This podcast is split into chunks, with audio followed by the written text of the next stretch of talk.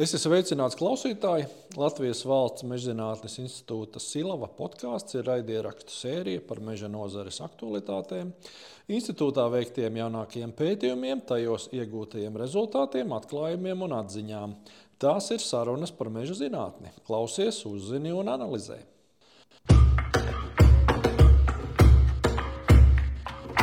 Labdien, klausītāji! Šodien mūsu saruna būs ar manu kolēģi, mežzinātnieku Jāni Liepiņu. Sveiks, Jāni! Sveiks, Kaspar. Kā jau sākumā ierasts, es nedaudz mēģināšu ar tevi iepazīstināt. Pastāsti, Jāni, kā tu nokļuvi līdz meža zinātnē un līdz silavai. Droši vien varētu teikt, ka es pilnīgi nejauši nonācu Meža zinātnes institūtā. Un Mans stāsts būtībā sākās ar to, ka man bija fantastiska iespēja izstrādāt Silovā savu maģistra darbu. Paralēli arī es skolas solā iegūtās zināšanas nostiprināju praksē, jau mežā. Tas ļoti palīdzēja gan maģistra darba izstrādē, gan arī turpmāk. Un tad jau beidzot maģistratūru, aizstāvot eh, maģistra darbu, dabūju Silovā paaugstinājumu un tiku norīkots par eh, vienu no atbildīgajām personām, kurai uzticēja tādu ļoti svarīgu uzdevumu, kā izmērīt, cik Latvijas mežos ir biomasa. Tu jau uzreiz aizskrēji priekšā un sāki atbildēt uz manu otro jautājumu. Tātad varbūt nedaudz atgriežamies. Ar ko tu sākumā Silavā sāki, ko kādā jomā tu strādāji? Sāku es meža atjaunošanas pētījumos piedalīties, analizēt dažādu stādu materiālu augšanu pēc pirmajām sezonām. Un šī ielekšana biomasas lauciņā tiešām bija ļoti nejauša un diametrāli pretēji tam, ko es visu laiku darīju iepriekš, strādājot Silavā. Tas arī izvērtās likumsakarīgi, jo šo tēmu es turpināju arī studēt jau doktorantūrā.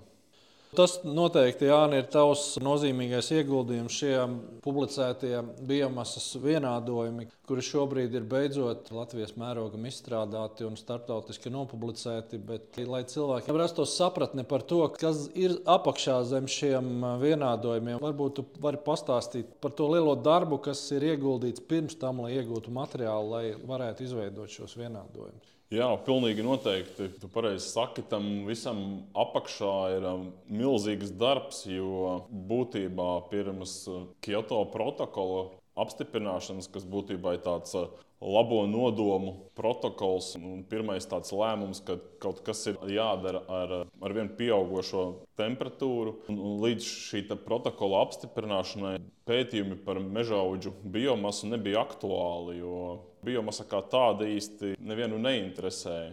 Bet uh, ar vienu pieaugot sabiedrības interesei par šiem procesiem un mēģināt tos izprast. Zinātnieki saprata, ka eh, ir nepietiekoši daudz informācijas šajā jomā un sāka izstrādāt, iegūt visādus koeficientus, ar kuriem ļoti vienkāršoti varēja aprēķināt un izmērīt, cik tad eh, mūsu mežaudzēs ir biomasas, un eh, tālāk jau līdzīgus koeficientus izmantot, lai pārreikinātu, kāds ir mūsu Latvijas, gan arī pasaules meža oglekļa uzkrājums. Un radās aizdomas, ka eh, šie koeficienti ir ļoti vispārīgi un kopējam mērķim.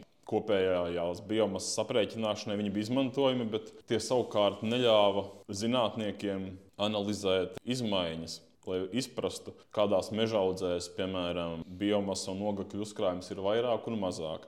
Mēs Latvijā sākām darbu pie tā, lai izmērītu, cik mūsu kokos ir biomasa. Braukājām pa visu Latviju, zāģējām kokus, svērām turpat mežaudzēs gan stumbrus, gan zarus. Būtībā katram trešajam kokam arī vēlāk atrakām visu sakņu sistēmu, gan ar lāpstām, gan kaplīšiem, lai arī uzzinātu, cik daudz biomasas ir arī koku saknēs, jo šie dati par cik ir ļoti laikietilpīgi.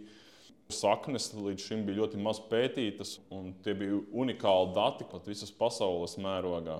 Tālāk šīs saknes vedām jau uz tālāku apstrādes vietu, kur rūpīgi nomazgājām no visām augsnes daļiņām tālāk, tāpat kā koku virsmas sfērām, lai noteiktu, cik tad ir biomasa gan koku virzemē, gan saknēs. Lai klausītājiem paskaidrotu nedaudz par to, ko nozīmē koku biomasa, ja mēs iepriekš esam pieraduši runāt par stumbru krāju meža nozarē, tad koku biomasa tas ietver visu to, kas kokam ir virs zemes, un arī to, kas ir zem zemes.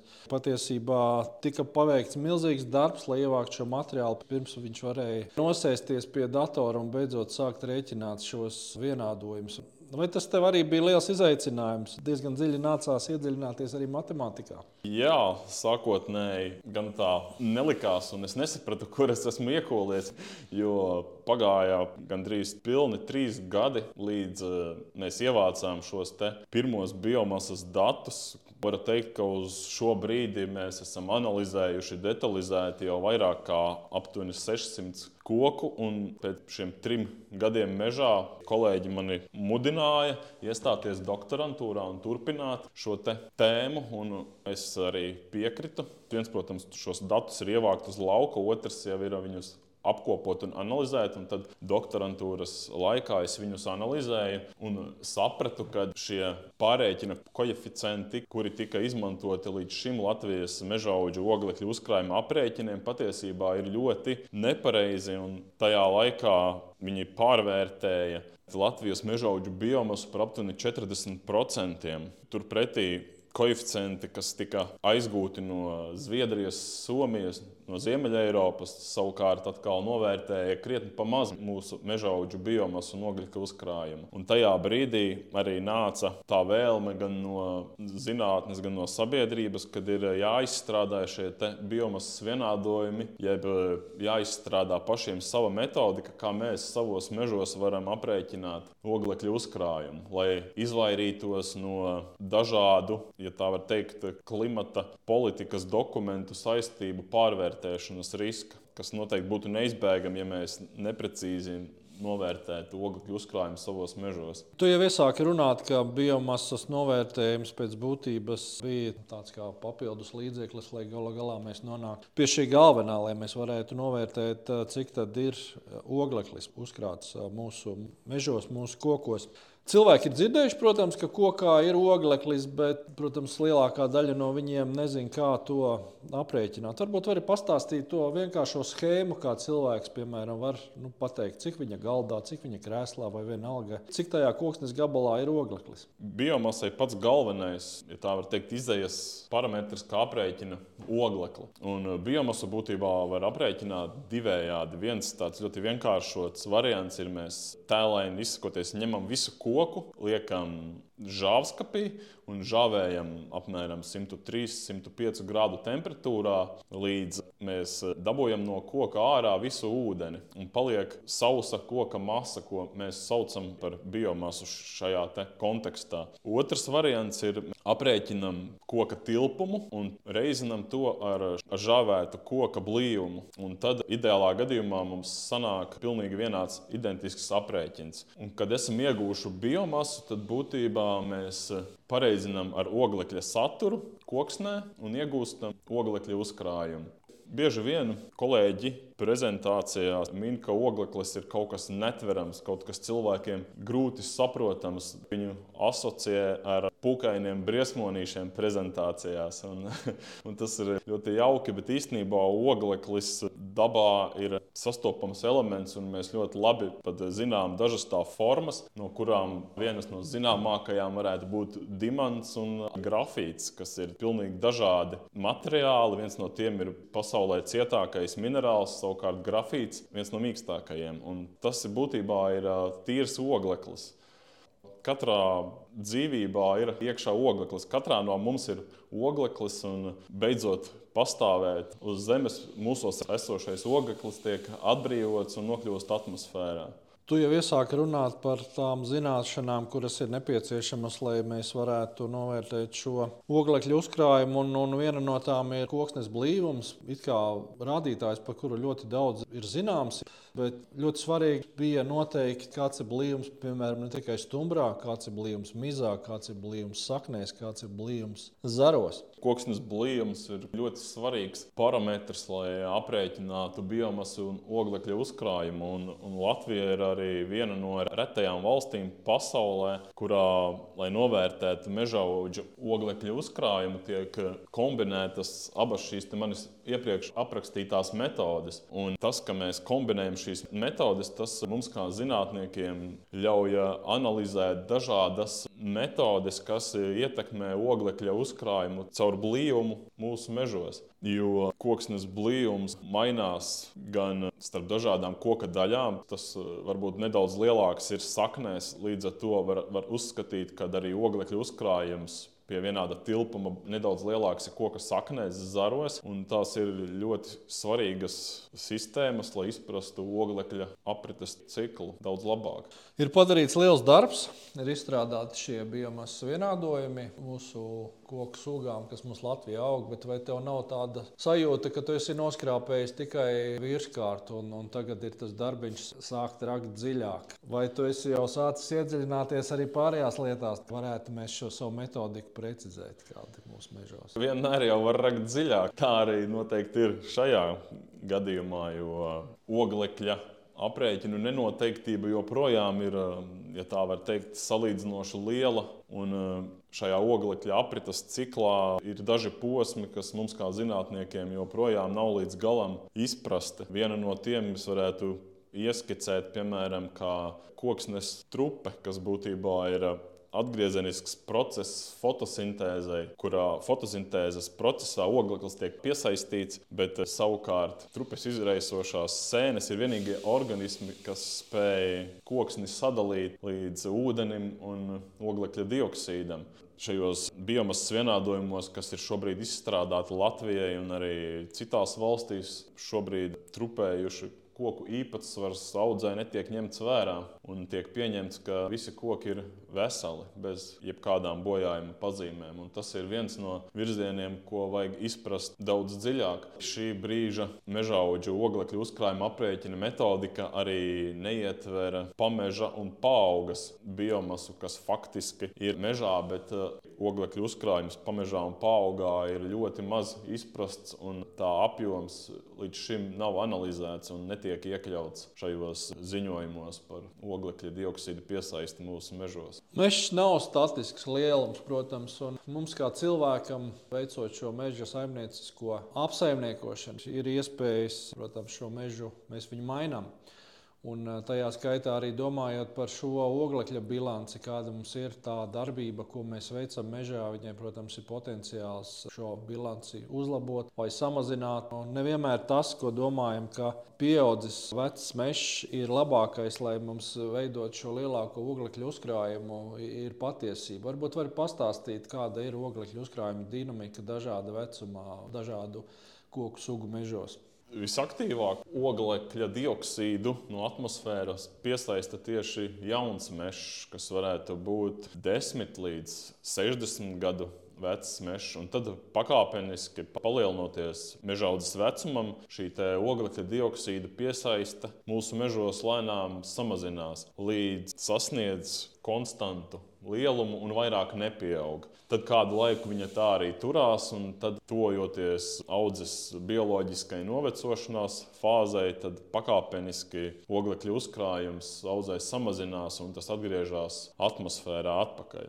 Es uzskatu, ka meža auga oglekļa uzkrājumu, kurš jau pēc dabas ir nepastāvīgs un ciklisks, viņu arī nevajadzētu izmantot, lai kompensētu citu nozaru radītās siltumnīca efekta gāzu emisijas. Atslēgas vārds būtu, ka eh, pašām šīm nozarēm noteikti būtu jārūpējās par emisiju samazināšanu. Ja mēs runājam par koku sugām, vai jūs varat pateikt, kuras ir tās sugas, kuru mežaudis šobrīd eh, uzkrāja vairāk, mazāk oglekļa? Oglekļa uzkrājums noteikti varēja pa sugām. Jā, jautājums ir, pret ko mēs attiecinām šo oglekļa uzkrājumu. Tīri teorētiski, ja mēs paņemam viena izmēra koku, tad nedaudz lielāks oglekļa uzkrājums varētu būt bērzā. Jo bērza koksnē ir lielāks blīvums, kas nozīmē, ka vienā kubikmetrā oglekļa uzkrājums būs lielāks. Bet noteikti jāņem vērā arī tāds fakts, kā koku augšanas ātrums. Lai izaudzētu vienu kubikmetru koksnes, tad noteikti tādas ātraudzīgas sugas izaugs nedaudz ātrāk bet lēni augošās un cietākās līdz ar to parasti aug nedaudz lēnāk. Līdz ar to tur ir jārēķina, kādu, kādu koku ir izdevīgāk audzēt.